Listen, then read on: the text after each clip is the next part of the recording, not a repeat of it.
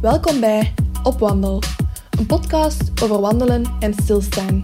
Over het leven, over de kunst van het ongelukkig zijn en over die fameuze zelfontplooiing.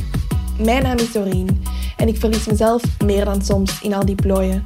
Maar wanneer ik mijn schoenen aantrek en de deur uitga, kom ik vanzelf terug op het juiste pad. Met deze podcast wil ik je inspireren om hetzelfde te doen. Om door weer een wind, met jezelf of met anderen, op wandel te gaan.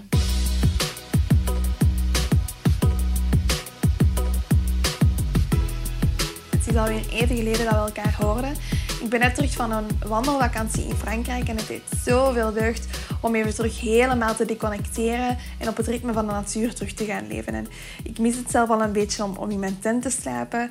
En als je het achteraf bekijkt, is het eigenlijk wel gek hoe mijn lichaam heel makkelijk overschakelt op het ritme van de natuur en het toch wat moeilijker heeft om dan weer terug te schakelen naar het ritme van de wekker. Allee, zo gek is dat eigenlijk niet, maar het is wel heel mooi als je erbij stilstaat. We hebben enkele prachtige wandelingen gemaakt in de omgeving van de Jura. Dat ligt bij de Zwitserse grens, in de Ardèche en ook in de Vogezen. En vooral de Vogezen hebben een, een, een goede indruk op mij achtergelaten. Normaal is dat een skigebied, maar het is minstens even mooi in de zomer als in de winter. Het is super uitgestrekt, een beetje Canada-achtig, heel rustig. Um, je ziet er veel groen, je ziet er veel water. En er is vooral heel veel stilte in die eindeloze bergen. We hebben stevig geklimd, we hebben stevig gedaald en onze benen zijn alweer wat meer getraind. De wandelroutes die zijn daar trouwens ook overal heel goed aangeduid en aangelegd. Ehm, wij zijn zelf, uh, ja, via het internet heb ik sowieso wel wat dingetjes opgezocht. Maar wij zijn zelf uh, langs het uh, toerismebureau gegaan, waar dat we een handig boekje kregen ehm, met lokale wandelroutes zien die goed stonden aangeduid. De hoogtemeters stonden ook aangegeven. Dus je wist op voorhand heel goed waar je aan begon. Um, ik kan het eigenlijk alleen maar aanraden. En niet te vergeten, die Franse chocoladekoeken, Le Pain au chocolat, zo ontzettend lekker daar. Um, die smaken natuurlijk nog honderd keer beter als je op de top van de berg zit. Helemaal fantastisch. Um, Voilà, ja, een beetje een kleine recap van onze reis. Ehm, de, de leukste routes en de leukste foto's die heb ik voor jullie verzameld. En die kan je bekijken op mijn wandeldagboek uh, op Instagram. In de aflevering van vandaag ga ik in de omgeving van Pellenberg op wandel met Patsy van Leeuwen. Uh, Patsy is lifecoach en plusouderconsulente. Toen ik 16 jaar was, uh, zijn mijn eigen ouders ook gescheiden. Um, de relatie tussen mijn ouders die zat al een tijdje niet meer zo goed. En ondanks het feit dat ik ergens zo wel opgelucht was, hè, want uiteindelijk, ja, die relatie zat niet goed en het was voor alle partijen misschien wel beter dat, we, dat, dat die scheiding er was. Dus ondanks het feit dat ik was opgelucht, heeft het toch een geweldige impact op mij gehad. Um, ik was volop aan het puberen. Maar los daarvan is zo'n scheiding ontzettend pijnlijk voor alle partijen. Um, ik ben op eigen initiatief naar een psycholoog gegaan. Dat was een jaar therapie. Um, één sessie per week. Het lijkt niet veel, maar dat heeft mij wel echt geholpen om er bovenop te geraken. Uh, om mezelf te begrijpen, om de situatie te begrijpen en om het een plaats te geven vooral. Dat was nodig. Um, zeker omdat een van mijn ouders binnen het jaar in een nieuw huwelijk is gestapt. En dat huwelijk was ook gekoppeld aan een nieuw geloof. Dus dat waren twee nieuwe dingen, drie nieuwe dingen eigenlijk. De scheiding, het nieuw huwelijk, het nieuw geloof. Iets totaal vreemd voor mij.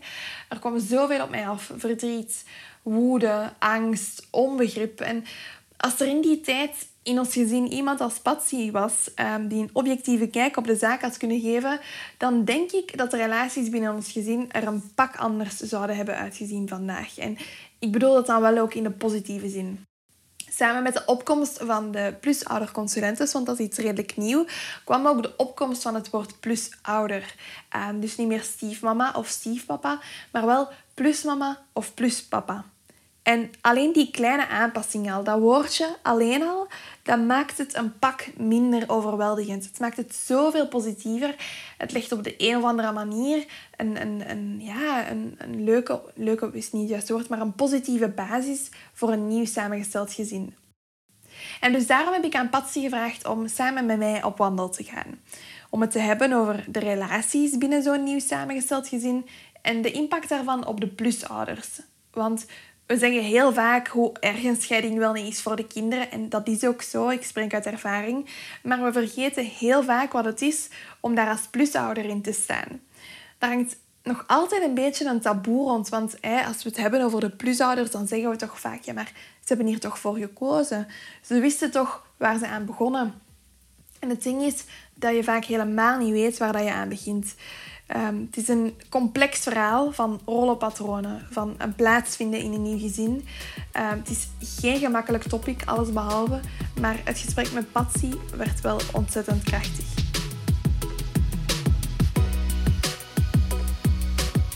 Ja, in Everleebos is het natuurlijk ook heel mooi. Dat is echt een heel groot bos. Ja.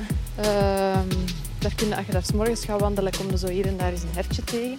Maar voor mij is dat een beetje ver. Maar ik ga daar af en toe wandelen, omdat ik... Mijn vriendin woont daar vlakbij. ja. En gelijk als in corona mochten wij... Ja, mocht ik met ene persoon afspreken. Mhm. En dan gingen wij wandelen. En dan bij haar in dat bos helemaal... ja dus die bubbelactiviteit was, Ja, was ja. wandelen. Ja, ja. Enfin, dat was dan ook... Nee, ik spreek met die vriendin elke 14 dagen af. En eh, in corona zijn we dat blijven doen. En eh, dat mocht eigenlijk volgens de regels. Dus Ja, het Dat altijd was, dezelfde ehm, persoon was. Dat is wel grappig, ja. want ik had ook één vriendin. ehm, en wij spraken ook elke week dezelfde dag af. En dan deden wij ook een tour. Ja. Altijd dezelfde. En om, om bij te praten, dat was eigenlijk ideaal. Ja. Gaat je veel wandelen? Ehm, niet, zo, niet zo vaak eigenlijk. Ik zou het meer moeten doen, maar de wandelingen dat ik doe, dat is vaak met mijn coaches wel. Dus met de mensen die in coaching komen. En eh, ik heb een tour van ongeveer een uur, ik kan er anderhalf uur van maken. En dat is eigenlijk de, de duur van een sessie. Ja. Anderhalf uur bedoel ik dan. Ehm, en weten, voor in coaching is dat plezant omdat als mensen vastzitten, dan krijgen die door te wandelen terug in beweging. Mhm. En dus dat is letterlijk dat je dan begint te bewegen, maar dat is ook in je hoofd dat er dan beweging ontstaat. En dat je wat ideeën krijgt. En dat je naar de natuur kunt kijken en dat dat je kan inspireren. Hè. Ja, ja. En je voelt echt dat de gesprekken eh, al wandelend vlotter gaan dan als je bijvoorbeeld gewoon zit met je coaches. Ja. Zitten gaat ook, maar voor mensen die het moeilijker hebben om, om te babbelen, Mhm. of die minder van zich zijn, dan is wandelen gemakkelijker. Omdat bij wandelen moet er niet altijd iemand aankijken. Ja. En voor sommige mensen die zo een beetje introverter zijn of een beetje stiller, is dat makkelijker om te wandelen. Want dan kun je eigenlijk beter focussen. Ehm, dan voel je je ook niet zo bekeken. ja. En dan is dat eigenlijk wel een goed idee. Het is wat minder direct misschien. Allee. Het is wel, ja, ja. Er staat zo minder, fo allee, minder ja, focus op of de spotlight erop. Ja, Anders ja. zit ik zo echt, ik stel een vraag, ik zit te wachten op het antwoord en dan ligt daar wat druk op. Mhm. En met wandelen gaat dat eigenlijk natureller. Ja, maakt het niet uit als er eens een stilte is. Hè? Ja. Want, ja. Ja. Mhm. En dus de wandeling die we nu gaan doen, die doet je vaak ook met je coaches. Ja. En die loopt door. Dat is, ehm, ik woon in Kesselo hier. En ehm, we gaan zo richting, even richting Pellenberg, maar we gaan niet tot daar. Mhm. We gaan dan zo via ehm, paadjes door de velden. Oké. Daar hebben we een heel schoon zicht. Op een bepaald punt gaan we zelfs, bij helder weer is dat dan, Mechelen kunnen zien. Allee, ja, Oh, amai. Sint-Romboudstoren van Mechelen. En dat je echt ver kunt kijken, kun je zelfs de haven van Antwerpen zien. Is dat echt? Ja. Dus op een bepaald punt dan ga ik zeggen, ah, hier moeten we even stoppen. En we gaan zien of dat we er iets van kunnen zien, want het is vandaag een beetje bewolkt. Ja, laat ons hopen dat het net op dat moment opklaart. Ja. Als het weer meer... Het is tegen de avond dat je het ook beter kunt zien, want dan zie je zo die, die vuur... Vuurtorens wil ik zeggen, maar het is geen vuurtoren. Maar er komt zo vuur uit, uit die... Ja, ja, klopt. Je weet wat je dat wilt er daar aan de haven staat. Hè. Ja. Ik weet niet, als van de industrie en zo, denk ik. ik weet. Alleen maar zo zot dat je dat van Ja, niet kunt zien. Ja. Allee, ik ben benieuwd. Ja.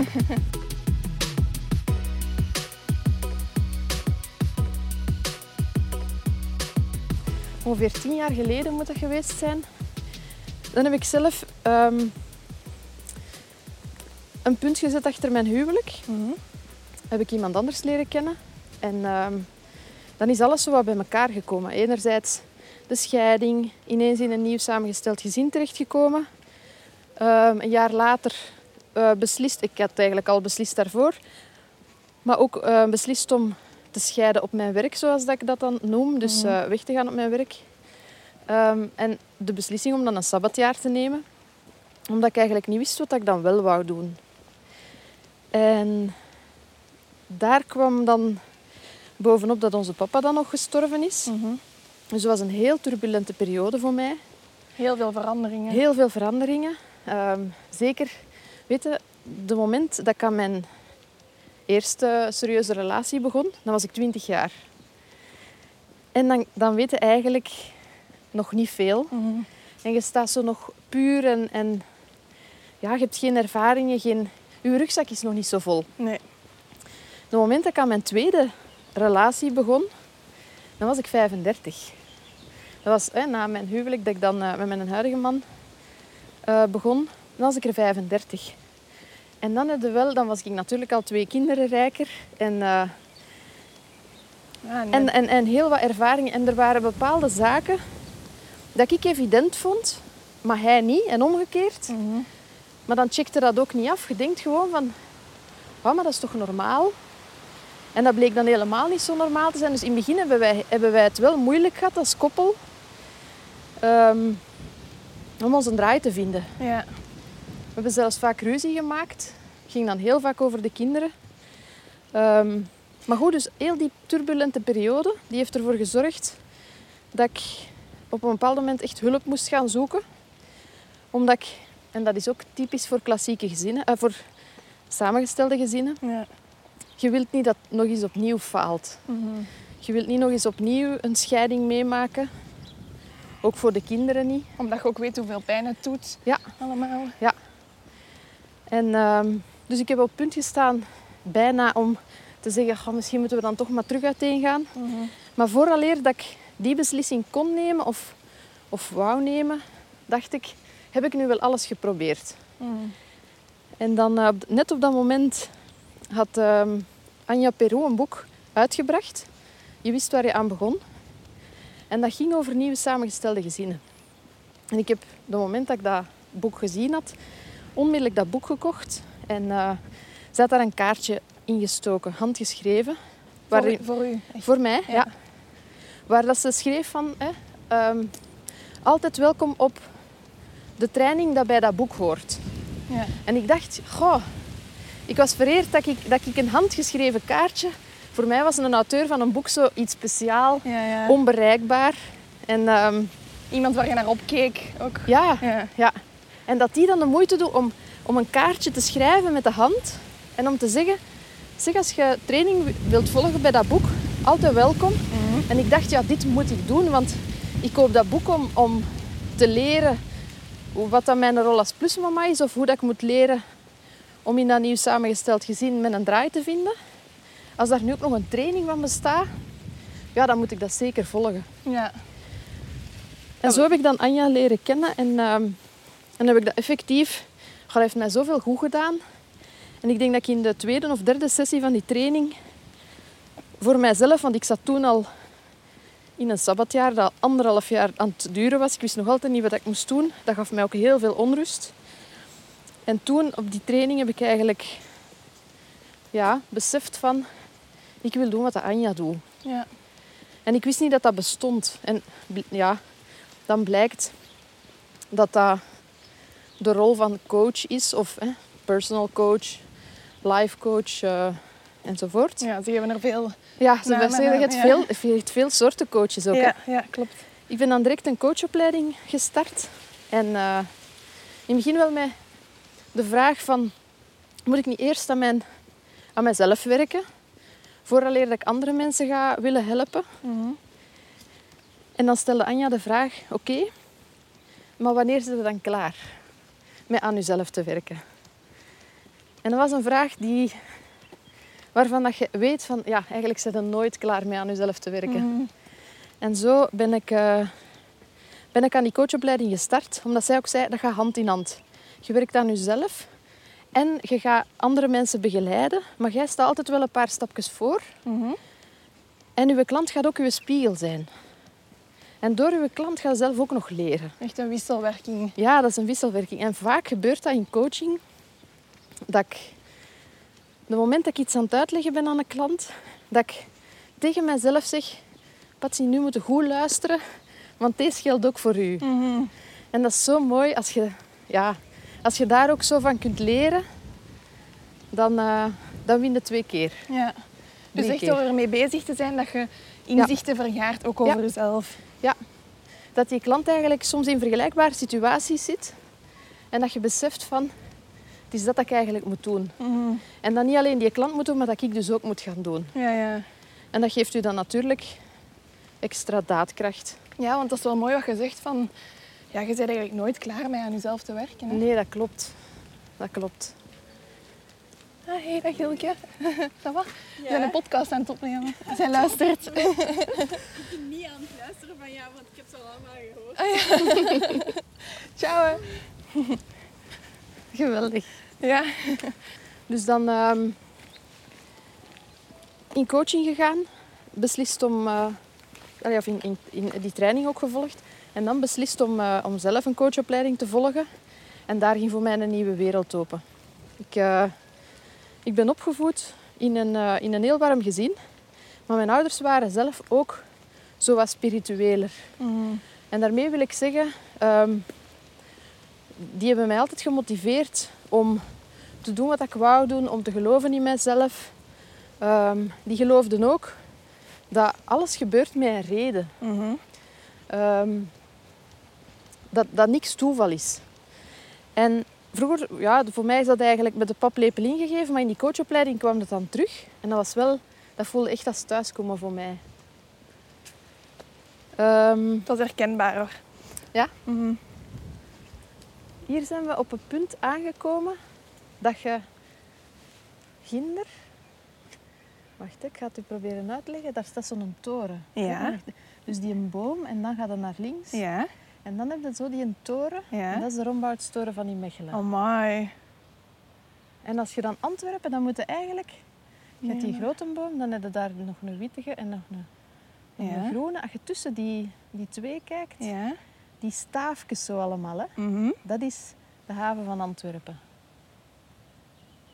Zeg je zot hè? Ongelooflijk, hè? Ja. Ik ga er een foto van pakken. Hè. We staan hier aan een patattenveld.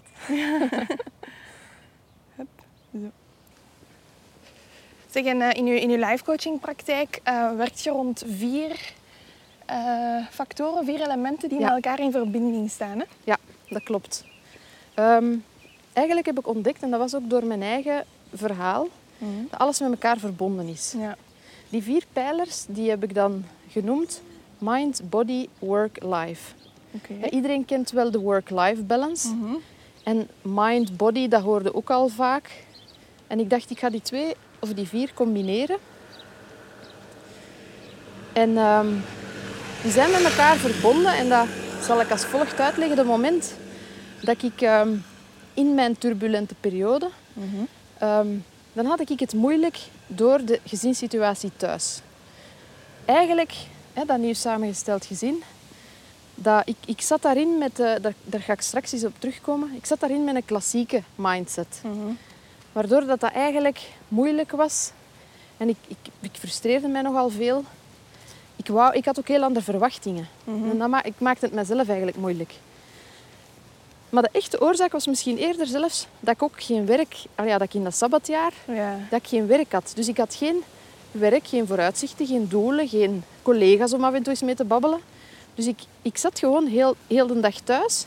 Ik zorgde dat ik alles van het gezin, het huishouden, dat ik dat deed toen dat de kinderen naar school waren.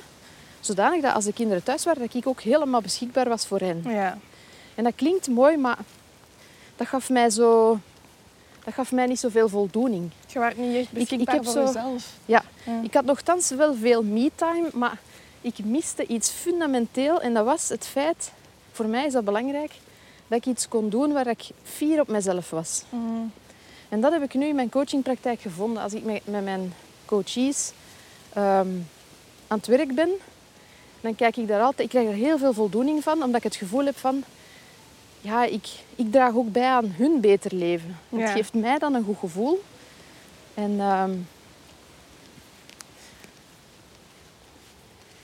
En dat is win-win, want zij winnen eraan, maar ik win er ook aan. En als ik dat niet heb, als ik geen bezigheden heb, dan voel ik mij zo nutteloos en zo Mhm. waardeloos. En als dat te lang duurt, dan, ehm, dan kom je in een periode terecht waar je, waar je begint te twijfelen, waar je je niet goed in je vel voelt. En ja, je moet echt iets hebben om mee bezig te zijn, om, om zo wat Ja. zingeving aan je dag ook te kunnen geven. ja, dus het ging niet goed op werk, hè. dat is het blokje work. Allee, Ja. het ging niet goed, ik had eigenlijk niks. Mhm. En dat had eigenlijk impact op mijn zelfbeeld. Dat is het stukje mind. Mhm. Eh, in mijn gezin, dat is onder de pijler life. Mhm. In mijn gezin ging het ook niet altijd zo gemakkelijk.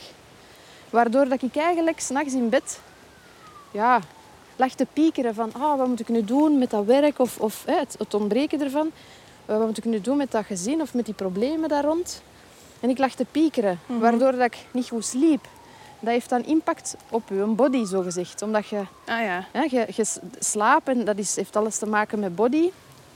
een vicieuze cirkel. Dat is, een heel, dat is echt een vicieuze cirkel naar beneden. Ik sliep niet goed. Ik, ik zocht mijn vlucht dan in eten. Of je zou kunnen zeggen het ontbreken van eten soms. Maar waardoor dat je je nog altijd niet goed in je vel voelt.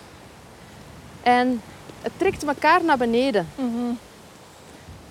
Terwijl dat, de moment dat ik dat inzag van ik wil die coachopleiding gaan doen, dan had ik terug iets om naar uit te kijken. Een doel dat ik wilde bereiken. Ja. merkte dat ik dat heel graag deed, dat ik daar ook wel een talent voor had, dat ik daar goed in was. Ehm, en daardoor ging ook de focus van dat gezin af. En je moet natuurlijk tijd steken in je gezin, maar als je focus daar te veel op is, Ja, ja. dan zit je eigenlijk...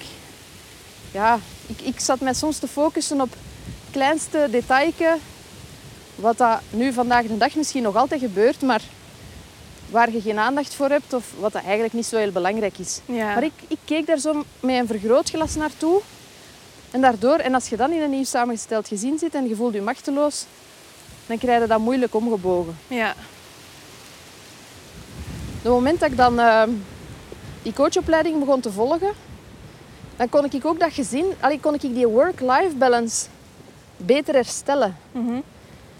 En, sinds, en daardoor was ik terug, hè, kon ik terug fier zijn op wat ik aan het doen was. Ehm, en ging dat eigenlijk in een positieve spiraal naar boven. ja. Het gaat eigenlijk over voor jezelf zorgen. Op, Ja, op die altijd. vier vlakken. Ja. Ja, altijd. Het gaat over, ehm, over in, op de juiste manier in het leven staan, maar, en dat moet ik dan ook nog meegeven voor, ehm, voor een nieuw samengesteld gezin, heb je daar toch wel een andere kijk nodig. Ehm, dat is de grootste valkuil bij samengestelde gezinnen. Dat is dat die eigenlijk denken vanuit een klassieke mindset. Het klassieke gezin Ja. Ehm, maar dat is natuurlijk niet hetzelfde. Een klassiek gezin dat vertrekt vanuit vreugde. Een klassiek gezin dat begint, je leert iemand kennen, je wordt verliefd, je beslist om samen, hè, na een tijdje, je, je, je, je gaat elkaar wat aftoetsen en, en dan gaat je beslissen om een stap verder te zetten. Je gaat samen een huis kopen of huren in het begin nog. Ehm, om dan nadien hè, samen eens op vakantie te gaan. Lukt het nog altijd goed, gaat het verder. Het is een gekend En dan patroon nadien- eigenlijk. Hè. Ja, Het En om dan nadien misschien aan kinderen te beginnen. En dan heb je nog hè, minstens negen maanden om daaraan te wennen Ja. en om, om, om, om daarin te rollen. Mhm.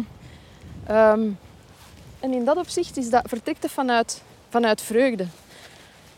Bij een samengesteld gezin is er altijd verdriet aan vooraf gegaan.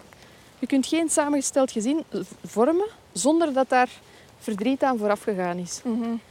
Want een samengesteld gezin, dat is de definitie van een gezin dat al, hè, waarvan één, minstens één van de partners al kinderen had uit een vorige relatie. Ja. En ofwel is die andere ouder gestorven, en dan is dat verdriet van, ja, van dat, die, dat die persoon er niet meer is. Mhm. Echt nog rauw.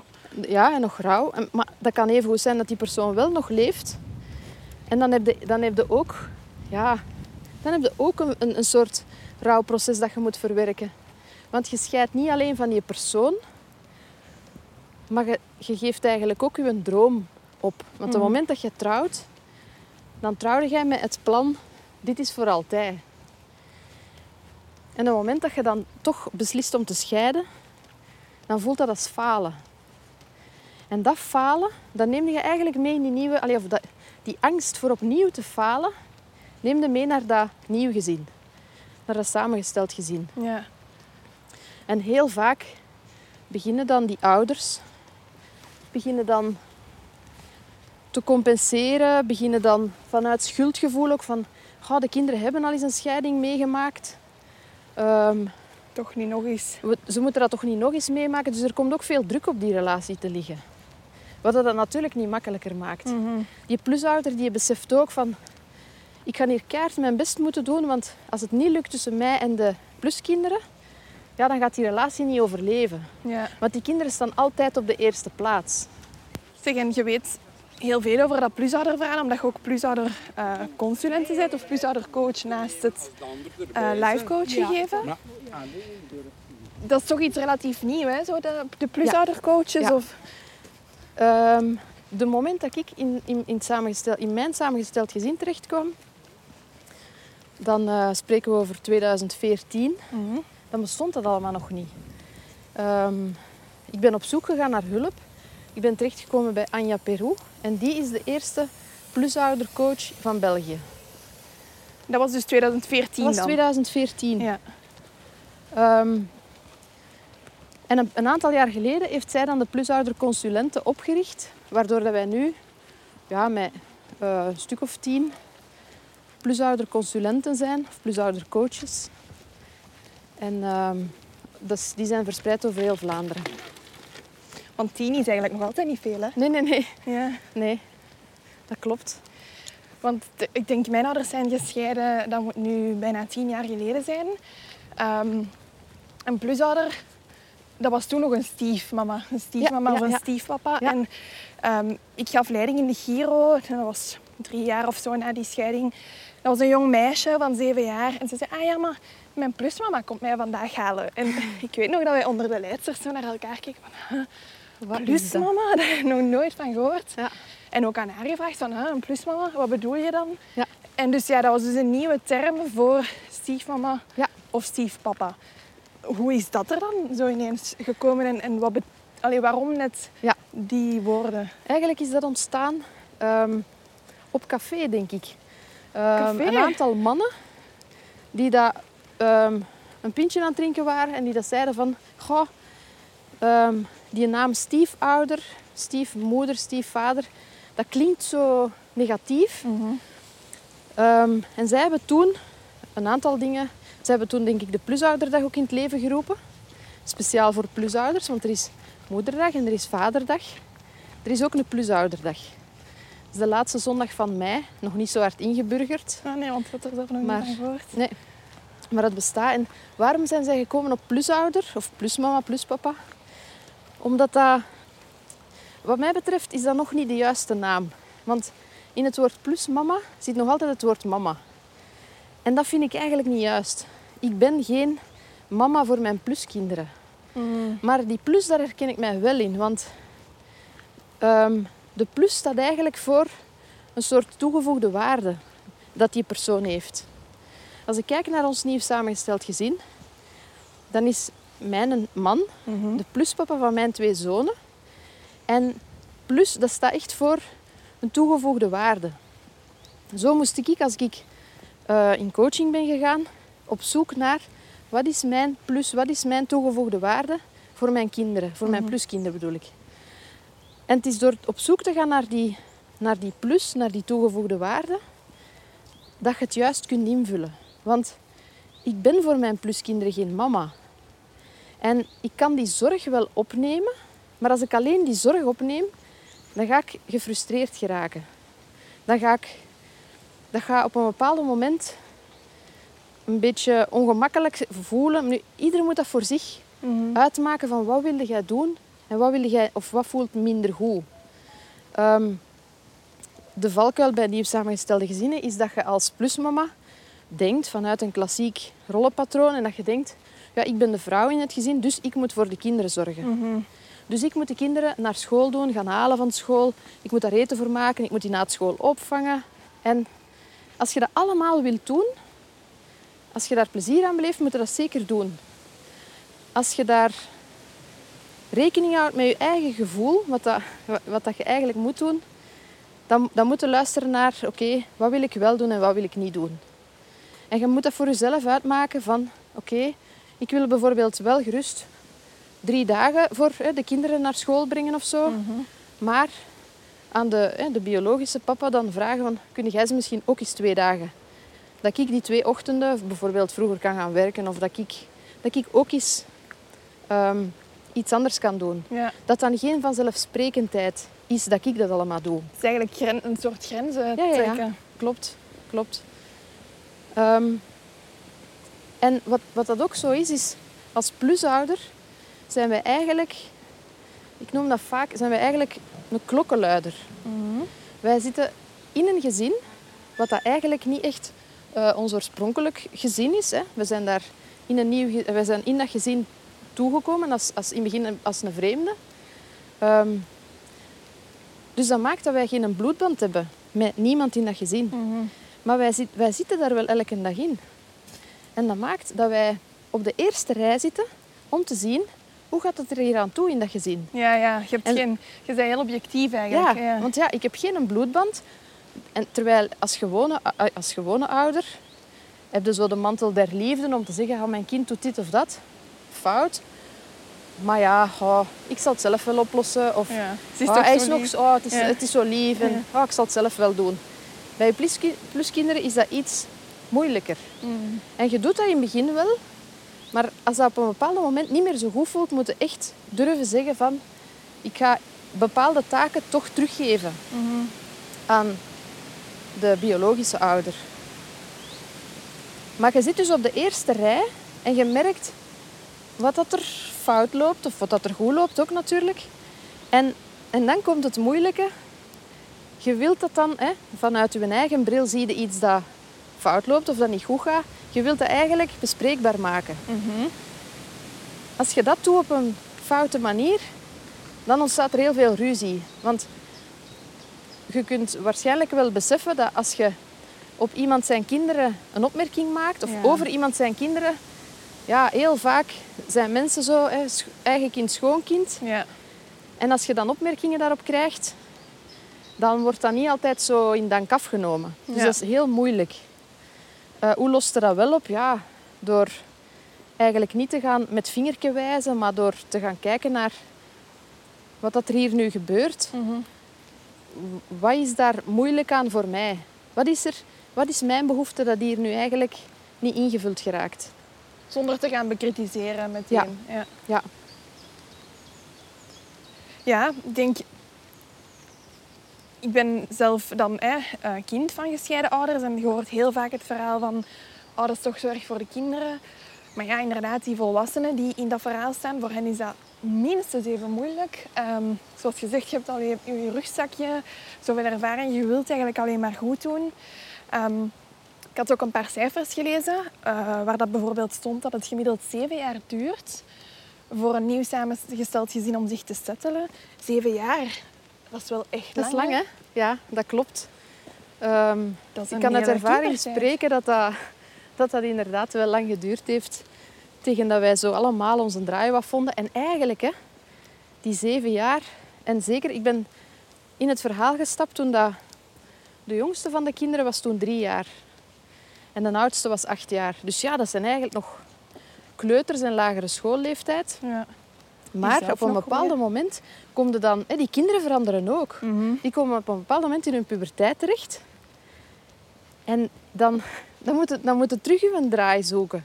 Je moet zo heel de tijd ja, in dat gezin... De, de belangrijk, het belangrijkste wat je kunt doen, dat is met goede intenties rekening houden met elkaar. En alles bespreekbaar maken. Want het is door het op te kroppen en, en, en door het in te houden... Ja, dan houdt het ook bij. Dat is negatieve energie dat je dan bijhoudt. Ja. En dan loopt het fout. Want dan, als je alles bij u houdt en alles opkropt, dan gaat op een bepaald moment loopt dat emmerke vol. Mhm. En als er dan iets gebeurt, dan gaat je heel die emmer daaruit kappen voor een, een futiliteit.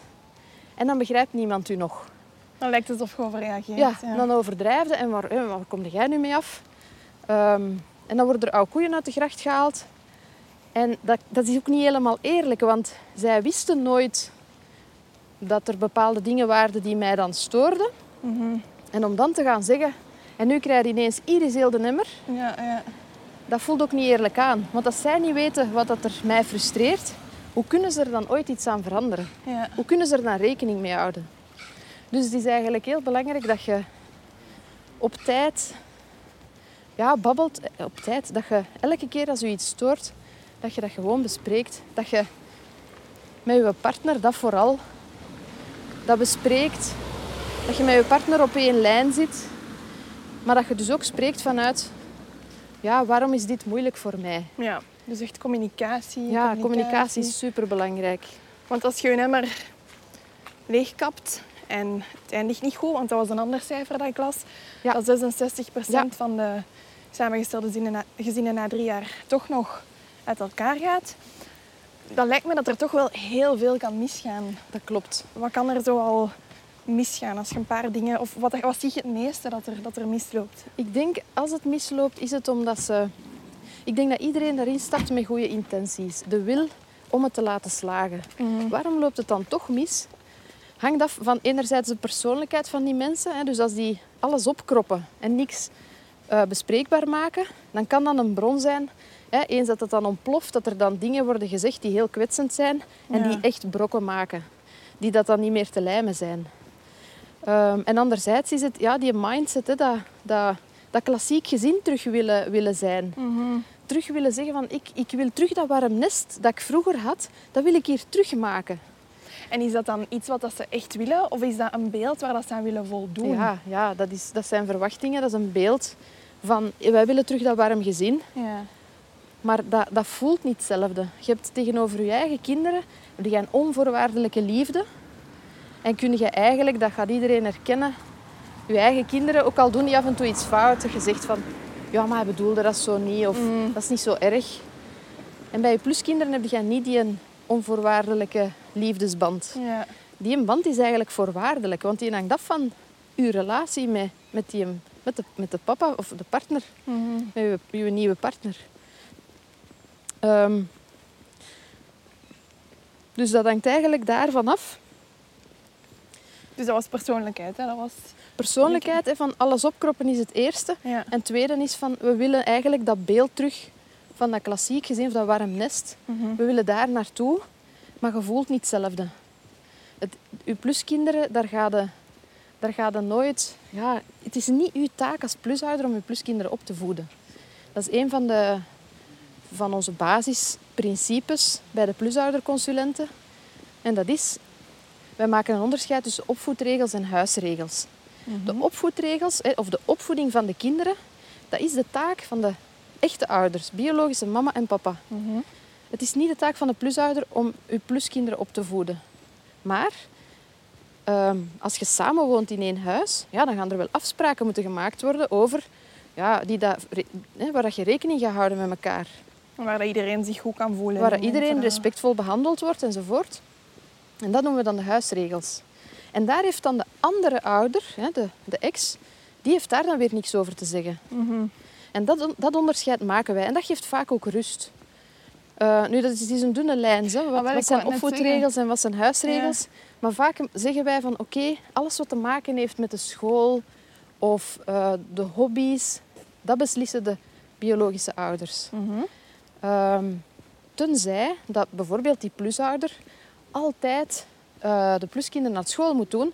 En dan zou ik zeggen, ja, dan heeft hij wel mee wat recht van spreken, Ja. omdat zij de, de gevolgen ervan moet dragen. Mhm. Nu, in, dat op, in dat geval ga ik ervan uit dat hij dat heel goed bespreekt met haar partner en dat ja, de mama en papa dat onder elkaar bespreken, waar dat die, ehm, waar dat die toch rekening kunnen houden met, wat dat, met hoe dat in de praktijk er zal uitzien. Ja.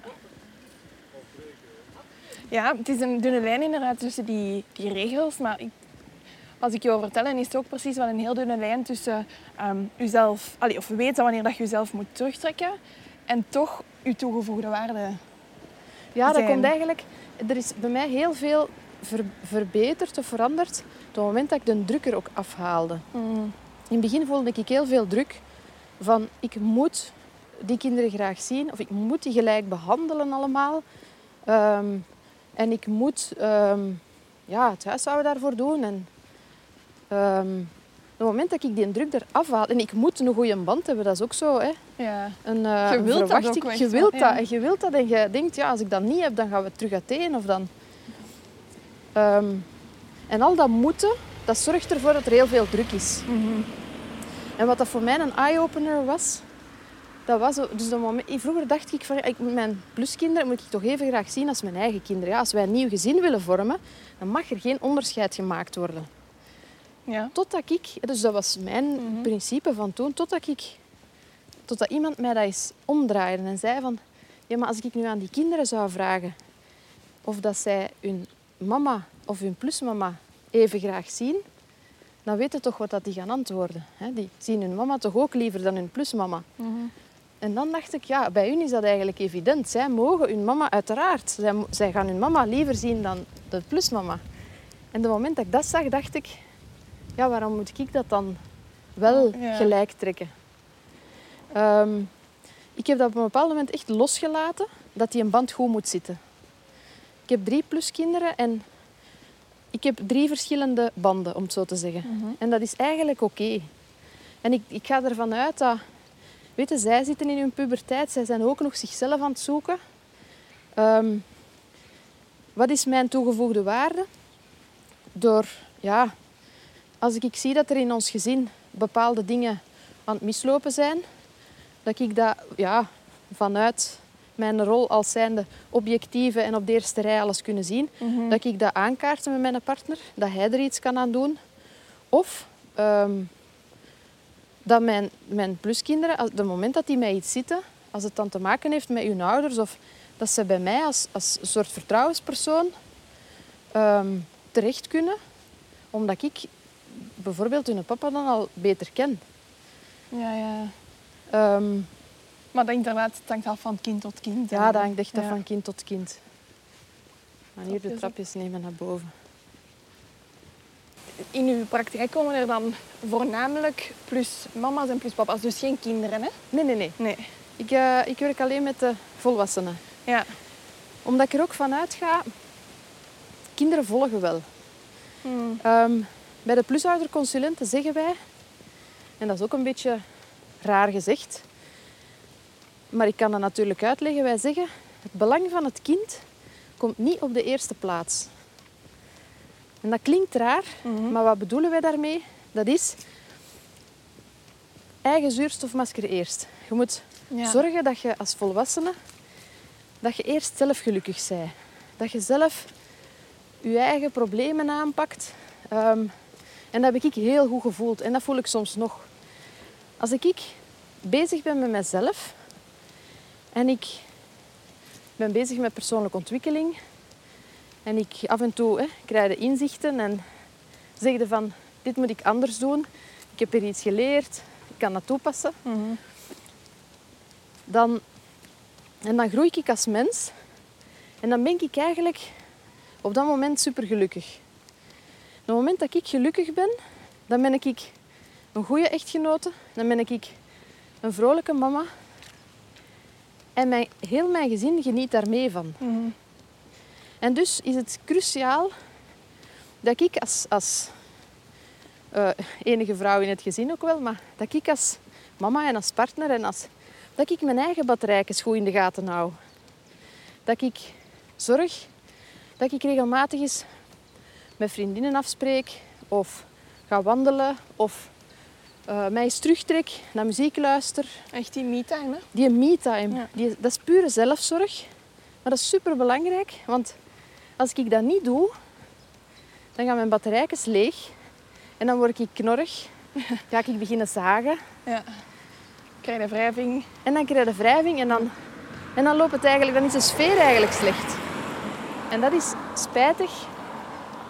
Dus op het moment dat het, dat het die richting begint uit te gaan, dan besef ik dat ik tijd voor mezelf moet pakken.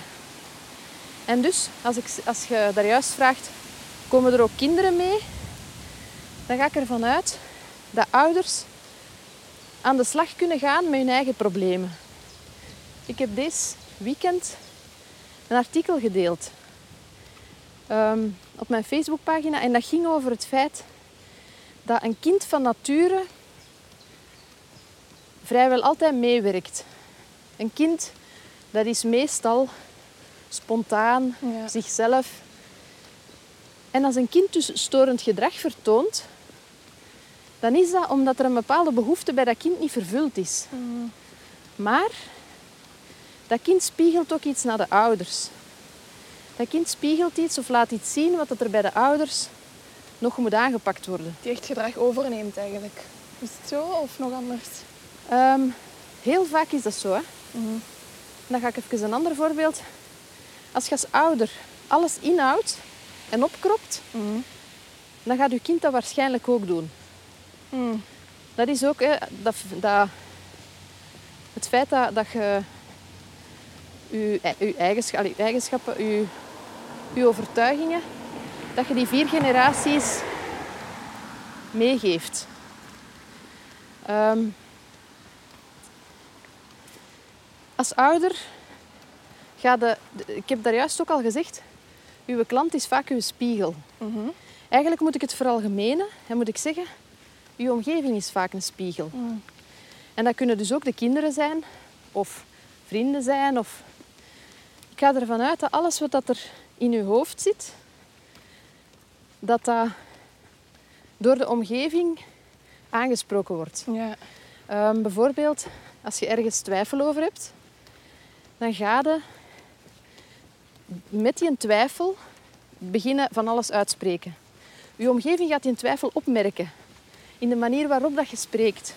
Dat is een soort energie dat je uitstraalt. En die gaat die twijfel benoemen.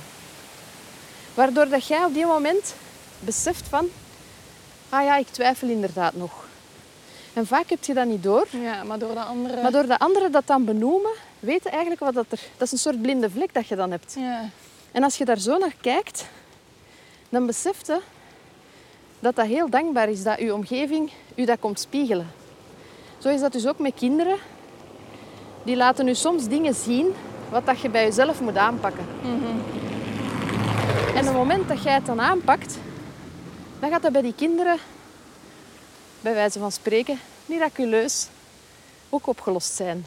Dus het is niet dat je echt per se in gesprek moet gaan met die kinderen. Het is meer Nee. echt aanvoelen en zij volgen dan Ja. wel.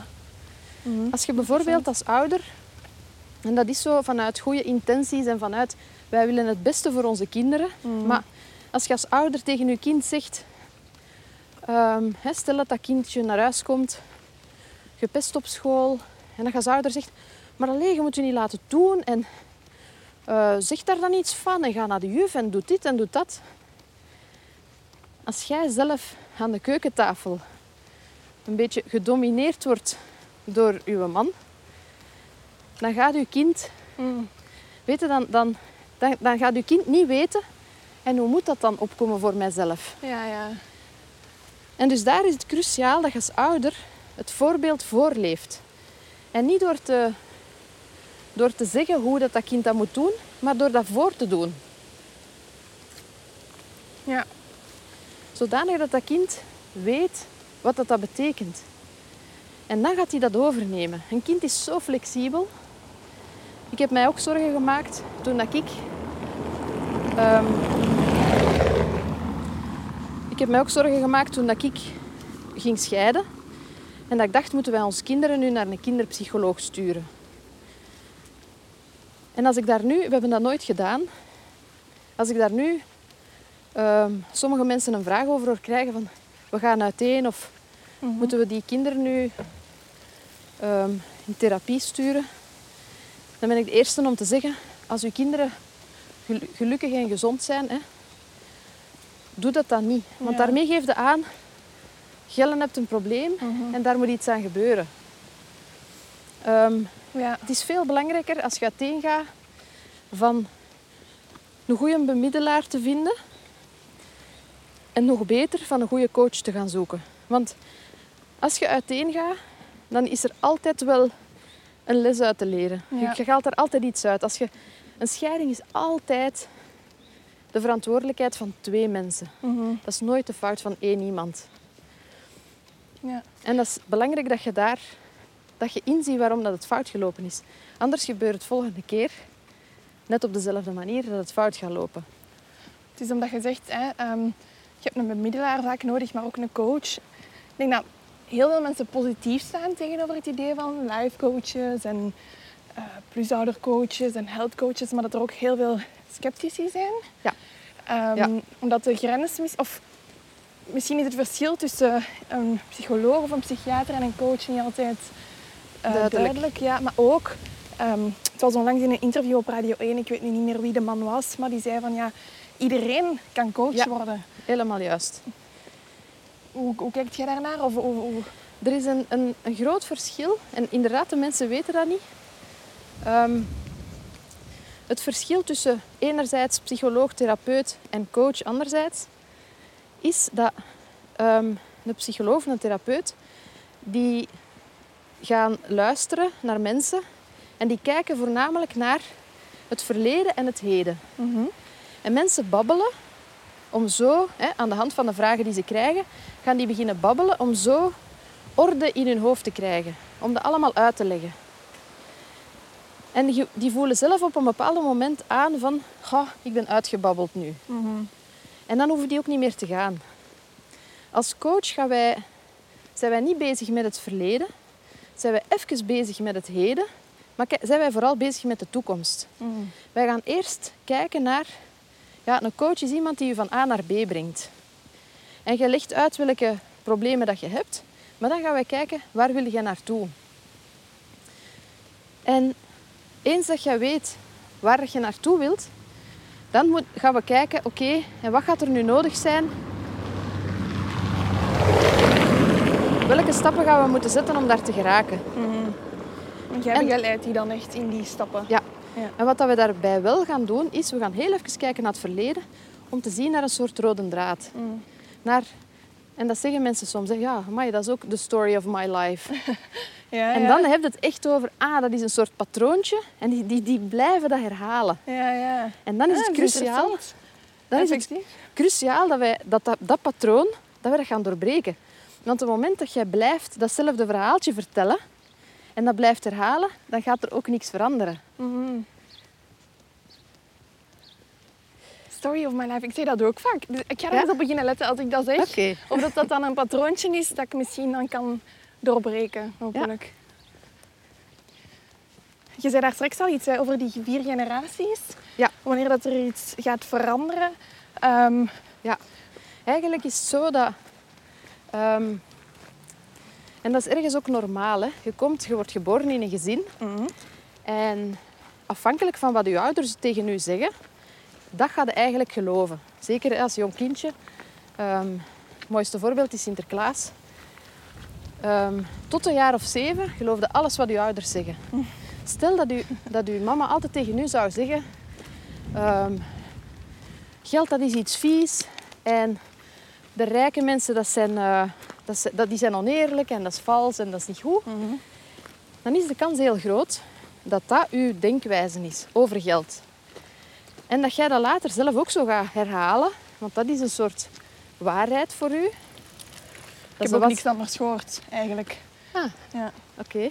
Nee, ik bedoel, ja, ja, ja, ja, ik mee. ja, Dus dan is dat een soort waarheid. Want ja, voor uw mama was het al een soort waarheid. ja. dan wordt dat voor u ook dezelfde waarheid.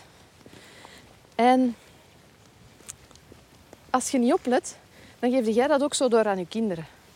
Het is natuurlijk zo dat je niet door één persoon bent opgevoed, maar vaak door twee, mama en papa.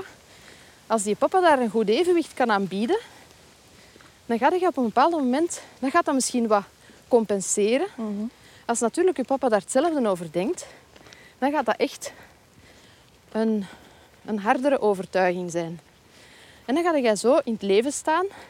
En wat gaat het gevolg zijn? Als jij geld vies vindt, dan ga jij niet veel geld verdienen. Want je duwt dat eigenlijk weg. En ik heb dan nu het voorbeeldje van geld gepakt, maar het kan van alles zijn. Wat ik vaak in coaching merk is mensen die zeggen: Ik ben niet goed genoeg. Maar die gaan dat nooit zo uitspreken. Dat zit in hun onderbewustzijn in. En uiteindelijk ga ik daar wel ik krijg dat daar wel uit in de verhalen dat ik, dat ik merk en dan benoem ik dat. In een, in een kennismakingsgesprek probeer ik dat al, al te kunnen vastpakken en te benoemen. En dan, als ik dat dan benoem, en dat is redelijk hard, Allee, dat komt soms hard binnen bij Ja. die mensen. Confrontatie. Van, oké, zou, dit kunnen- zou dit kunnen zijn ehm, dat jij vindt van jezelf, ja, maar ik ben eigenlijk niet goed genoeg. Soms vo- volgen er dan tranen, want dat is confronterend. Mm. Maar die beseffen van, ja, inderdaad.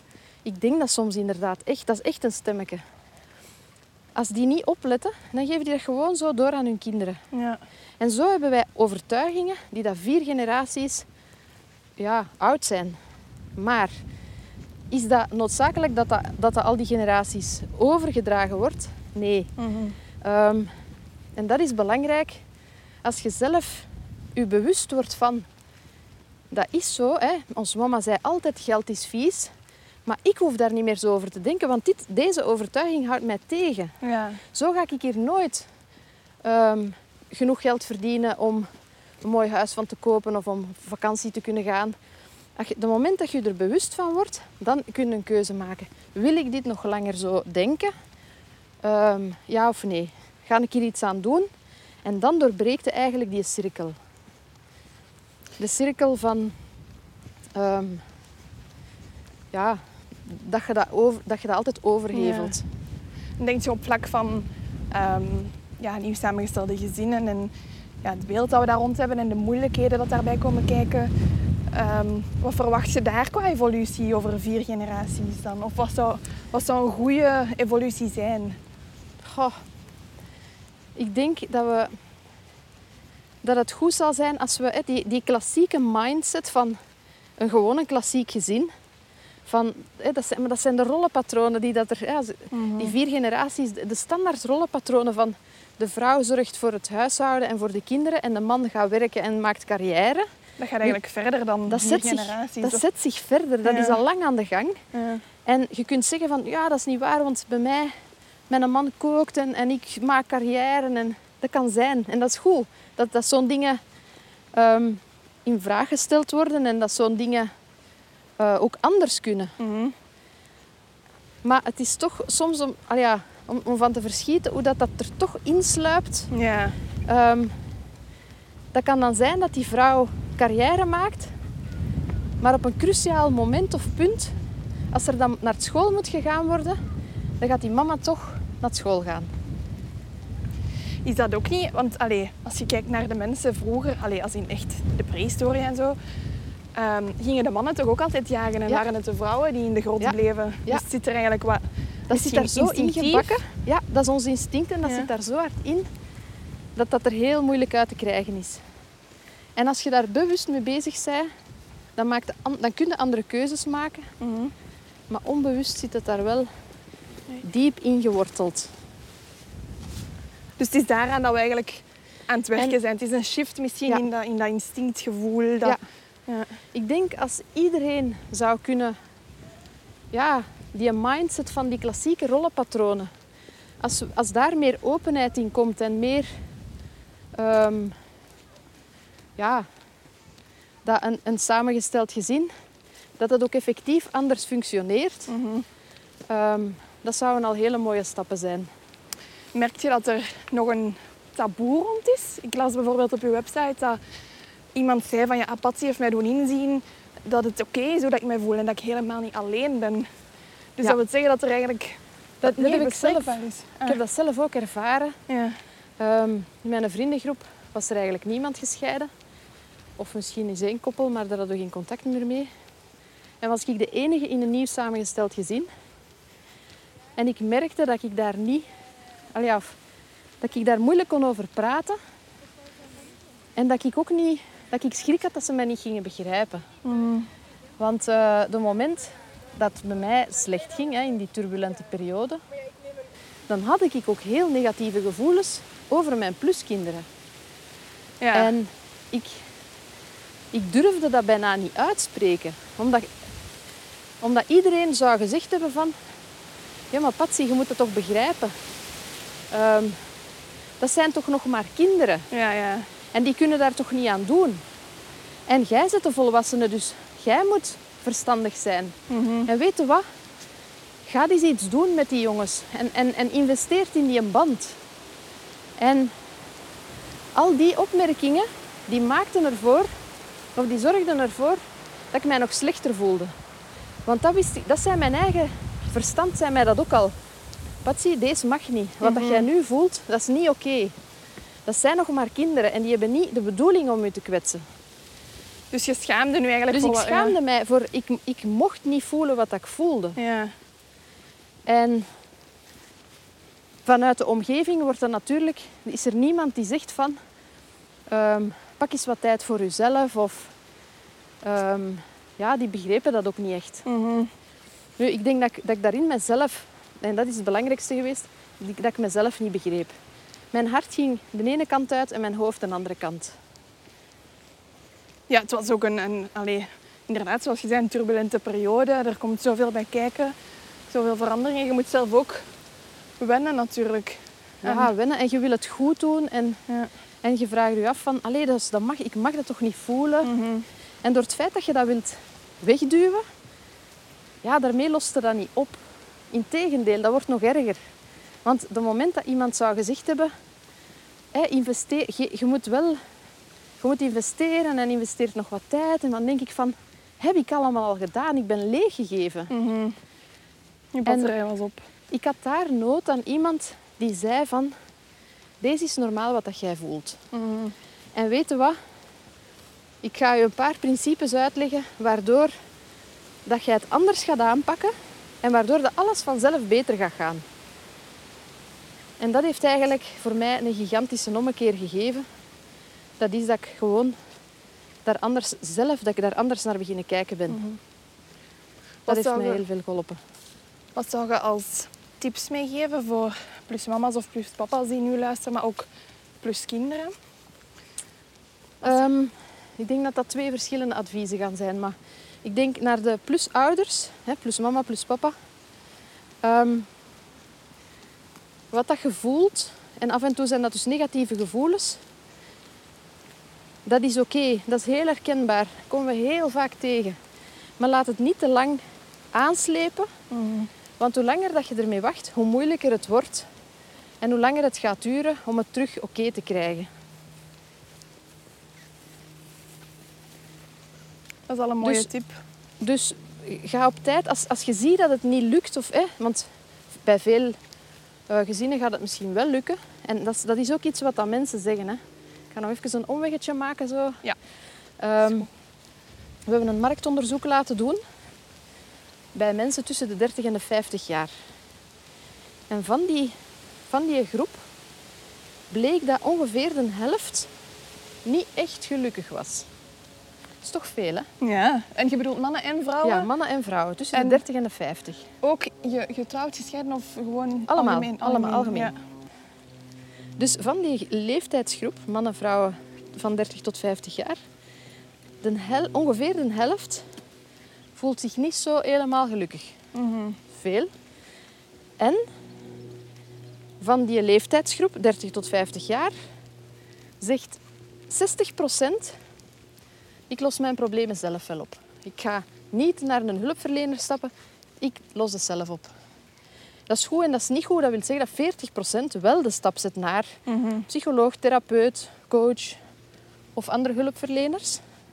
Maar 60% zet die stap niet. Mhm. Het is naar aanleiding daarvan dat ik eigenlijk begonnen ben met online programma's te maken. Omdat ik denk, die groep, die wil ik ook kunnen ondersteunen. Mhm. Want die groep van die 60 die gaan misschien wel, ook niet allemaal, maar wel een online programma kopen in de zin van, dan kan ik het nog altijd zelf doen, maar dat programma kan zo ondersteunend werken. Ja. Dan is de stap ook minder groot om echt naar een coach te gaan. Ja, misschien wel. Mhm.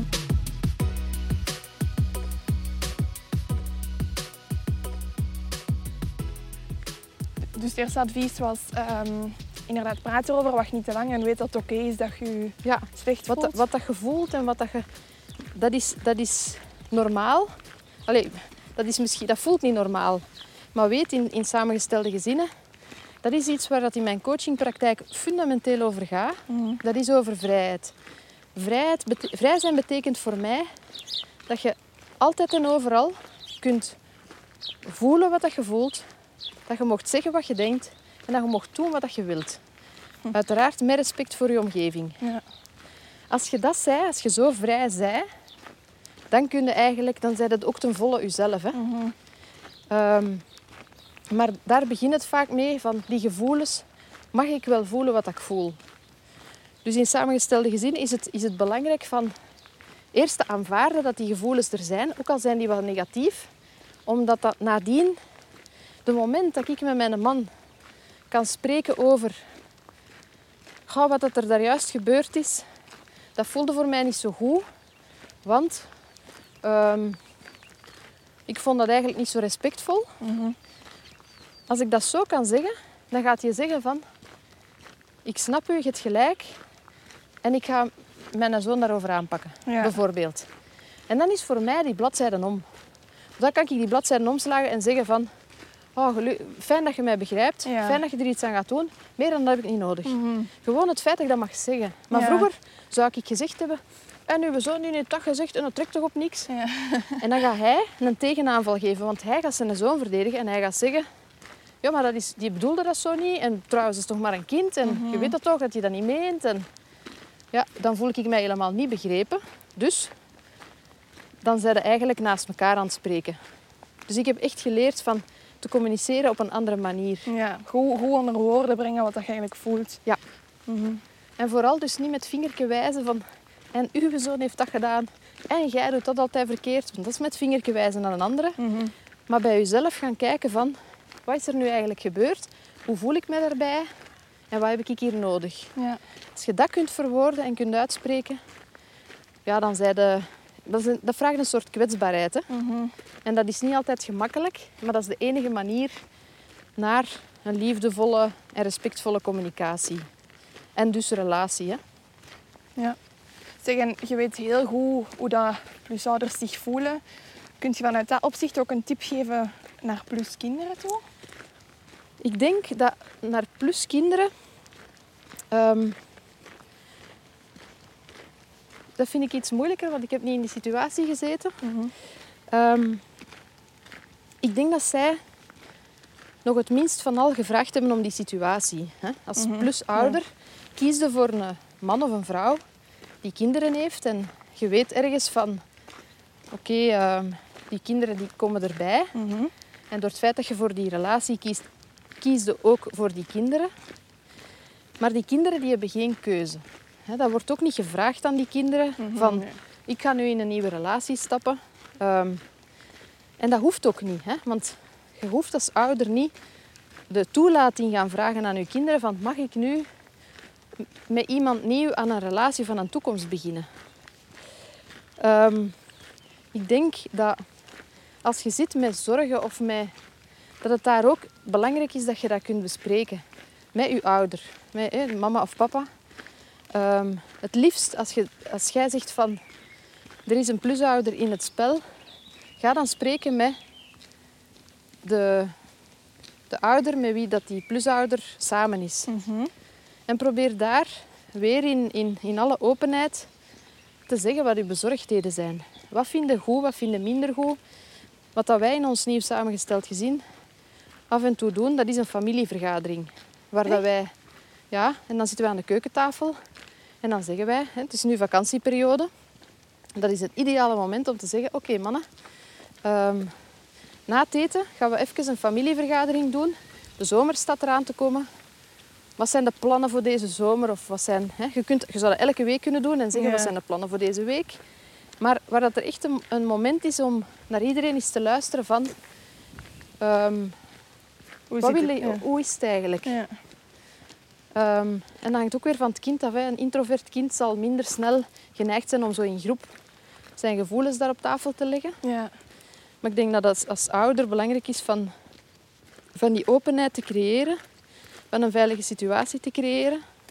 En zoals jij zegt, als dat dan niet haalbaar is om dat met je ouders te doen, tja, ehm, van dan misschien zelf hulp te gaan zoeken om er toch met iemand te kunnen over spreken. Ja. Als je het gevoel hebt dat je daar met niemand over kunt spreken, dan denk ik dat het evengoed handig is om eventueel tot bij de plusouderconsulenten te komen. Mhm. Omdat wij misschien, dat is wat ik heel vaak doe, ik probeer als iemand ehm, met problemen komt, eh, eh, een probleem in een, in, in een relatie, maakt niet uit van ouder tot kind of wat dan ook. Ik probeer altijd de visie van die andere persoon te laten zien. Mhm. Zonder dat ik die persoon ken, maar ik hoor uit de verhalen ehm, Hoe dat hoe dat die persoon denkt of wat dat die eigenlijk aan het doen is. Mhm. Ik geloof fundamenteel dat in iedereen goede intenties zitten.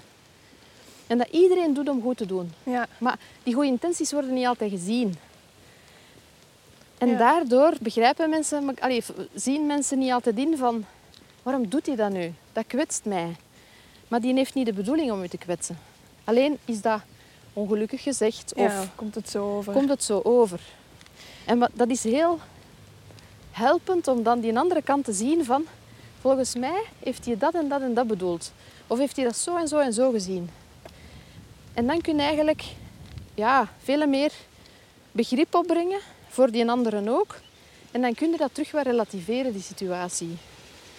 Waar dat het soms ook op neerkomt, zeker bij plusouders, dat is om daar duidelijk grenzen te stellen.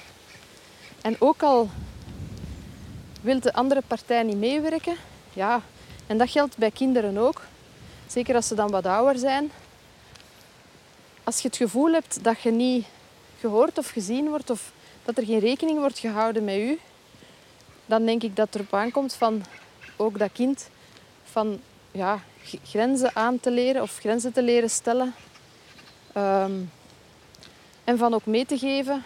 Ja, dat kind moet eigenlijk niet opgezadeld worden met de problemen van de ouders. Mhm. Als kind moet jij echt, mogen jij nooit voor de keuze staan van mama of papa. Mhm. Dat kan niet. Dat is... Dus als ouders ruzie maken en uiteindelijk scheiden, ja, dan mag dat kind daar niet mee opgezadeld worden. Dat kind gaat sowieso al geïmpacteerd zijn, maar dat hoeft geen kant te kiezen. Nee.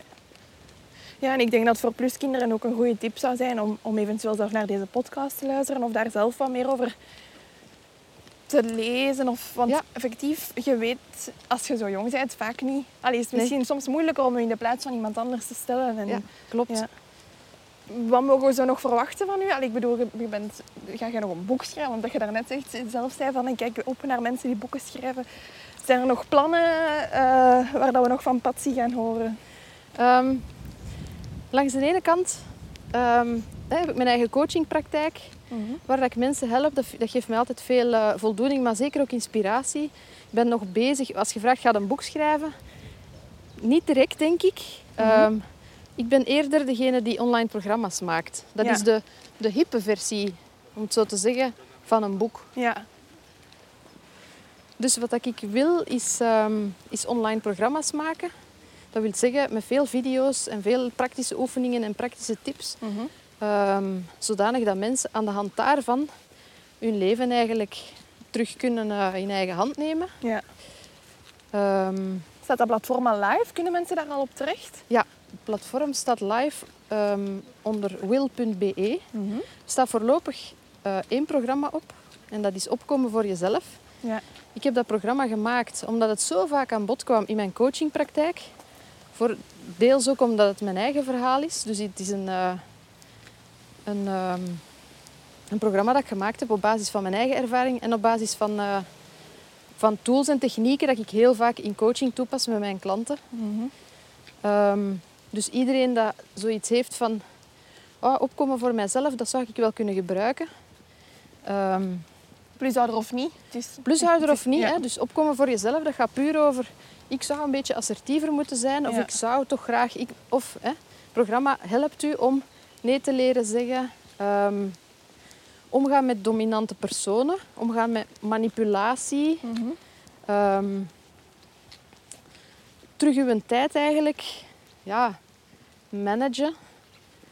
Ehm, en ik ben ondertussen bezig met andere programma's daaraan toe te voegen. Ik heb nog geen idee wanneer dat, dat juist een feit zal worden. Mhm. Ehm, maar dat zou toch dit jaar nog moeten zijn.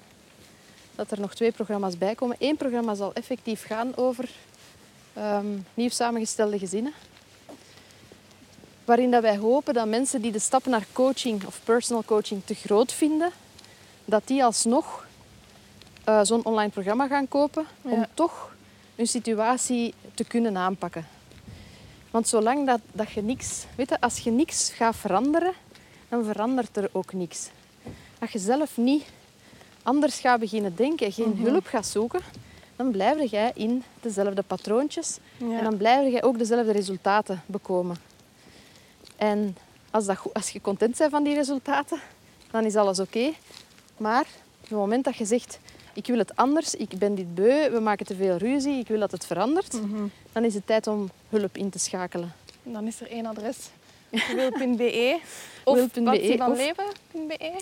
patsyvanleven.be of mijn bedrijf heet humanexcellence.be. Ja. Ehm, daar zit eigenlijk ook in waar ik voor sta. Human, hè, menselijk. En dan excellence staat voor ehm, excellentie of uitmuntendheid. Ja. Ehm, dat is iets wat ik zelf overal nastreef. Ik wil in mijn leven die uitmuntendheid zelf, dat is geen perfectionisme, maar het gewoon heel goed willen doen. Dat is iets Ja. wat ik voor mezelf nastreef. Maar dat is iets waar dat ik, eh, wat ik ook in mijn samenwerkingen bijvoorbeeld nastreef, dat ik zeg, ik wil alleen maar met de beste werken. En dat is wat ik in de, bij de coaches ook wil eruit halen. Ik wil, ik wil eigenlijk, je ziet heel vaak als coach, het potentieel bij de klant. En het is zonde dat dat potentieel dat dat er niet helemaal uitkomt. En Echt de beste versie van... de beste versie worden van jezelf, klopt. Dat is wat ik bij mensen wil naar boven halen. Mensen terug in hun kracht te zetten. Het gebeurt vaak, de mensen die naar mij komen, dat zijn mensen die vroeger best gelukkig waren of al het een en het ander bereikt hebben.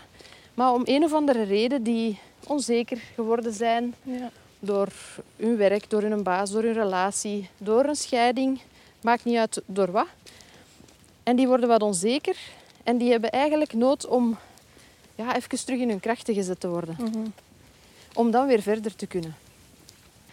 Wat ik eigenlijk bij mensen ook meegeef op, hè, in, in een coachingtraject dat ze volgen bij mij, is dat ik een gepersonaliseerde handleiding opstel voor die mensen. Een soort handleiding waar dat zij hun talenten, hun valkuilen, hun, hun angsten, maar ook hun levensopdracht, ehm, hun leiderschapsstijl, hun persoonlijkheid, dat zet ik daar allemaal bij in. Dus die mensen ontdekken tijdens hun coachingtraject wie dat ze eigenlijk zijn. En hoe dat ze in het leven hun eigen geluk eigenlijk altijd kunnen blijven ontdekken. ja. Echt een handboekje. Een handboekje het Eigenlijk wel. En zo hebben mensen voor zichzelf graag een handleiding, maar zeker ook voor hun partner. Ik had onlangs iemand in coaching dat zei van, ik wil drie dingen. Ten eerste eh, wil ik dit aanpakken, ten tweede wil ik dat aanpakken en ten derde wil ik een handleiding voor mijn partner. ik vond dat zo mooi gezegd en dat, dat is ook heel begrijpelijk. Want die mensen praten een beetje naast elkaar. En als je dan een handleiding hebt van, ja, maar uw partner die zit zo in elkaar, dan gaat er ineens veel begrip komen. En dan Ja. komt er vanzelf rust en vanzelf harmonie. En dan kun je eigenlijk ja, ten volle gelukkig zijn, jezelf zijn en vrij zijn. Human excellence. Human excellence. Ik heb de aflevering nu al een aantal keer opnieuw beluisterd en elke keer opnieuw vergaar ik nieuwe inzichten en begrijp ik beter waar ik zelf doorheen ben gegaan. Ze zeggen dat tijd alle wonden heelt, maar ik denk dat inzicht de littekens verzacht. Dus, ken je mensen die deel uitmaken van een nieuw samengesteld gezin? Plus mama's, plus papa's of kinderen? Deel dan zeker deze aflevering met hen. Ik hoop uit de grond van mijn hart dat ze er evenveel aan hebben als dat ik heb gehad.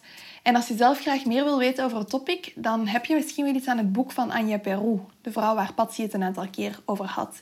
De titel van dat boek is Je wist waar je aan begon. Intussen ben ik volop bezig met het opnemen van de komende opwandelafleveringen. Ehm, er staan een paar toffe en enthousiaste opwandelaars te popelen om met jullie op wandel te gaan. Ehm, daaronder hebben we Floor de Nil. Floor de Nil is eh, cartooniste der millennials. Je kent haar misschien ook wel van haar leuke cartoons. Ehm, we gaan het hebben over lange afstandswandelingen die ze heel vaak alleen doet. En ook de term millennial en wat het betekent om dat vandaag de dag te zijn. Een andere opwandelaar is Erik Chabert. Erik Chabert is mijn oude godsdienstleerkracht, maar hij is ook verliescounselor. En ik ga het met hem hebben over rouwen, over positieve affirmaties en over de kracht van je gedachten. Last but not least ga ik ook op met Wendy Dirven. Je kent haar misschien wel van Blind Getrouwd, maar intussen is ze ook life coach. En ik ga het met haar hebben over jezelf blootstellen en als single in je eigen kracht gaan staan in een maatschappij die toch vooral focust op gezinnen en koppels. Denk je zelf nog aan interessante opwandelaars voor deze podcast? Laat het me dan weten. Als je op zoek bent naar de show notes, dan kan je die trouwens ook vinden via Instagram. Tot de volgende op wandel dus. Maar wacht vooral niet tot dan om zelf al in je wandelschoenen te springen. Want je weet, een dag niet gewandeld is een dag niet geleefd. Ciao!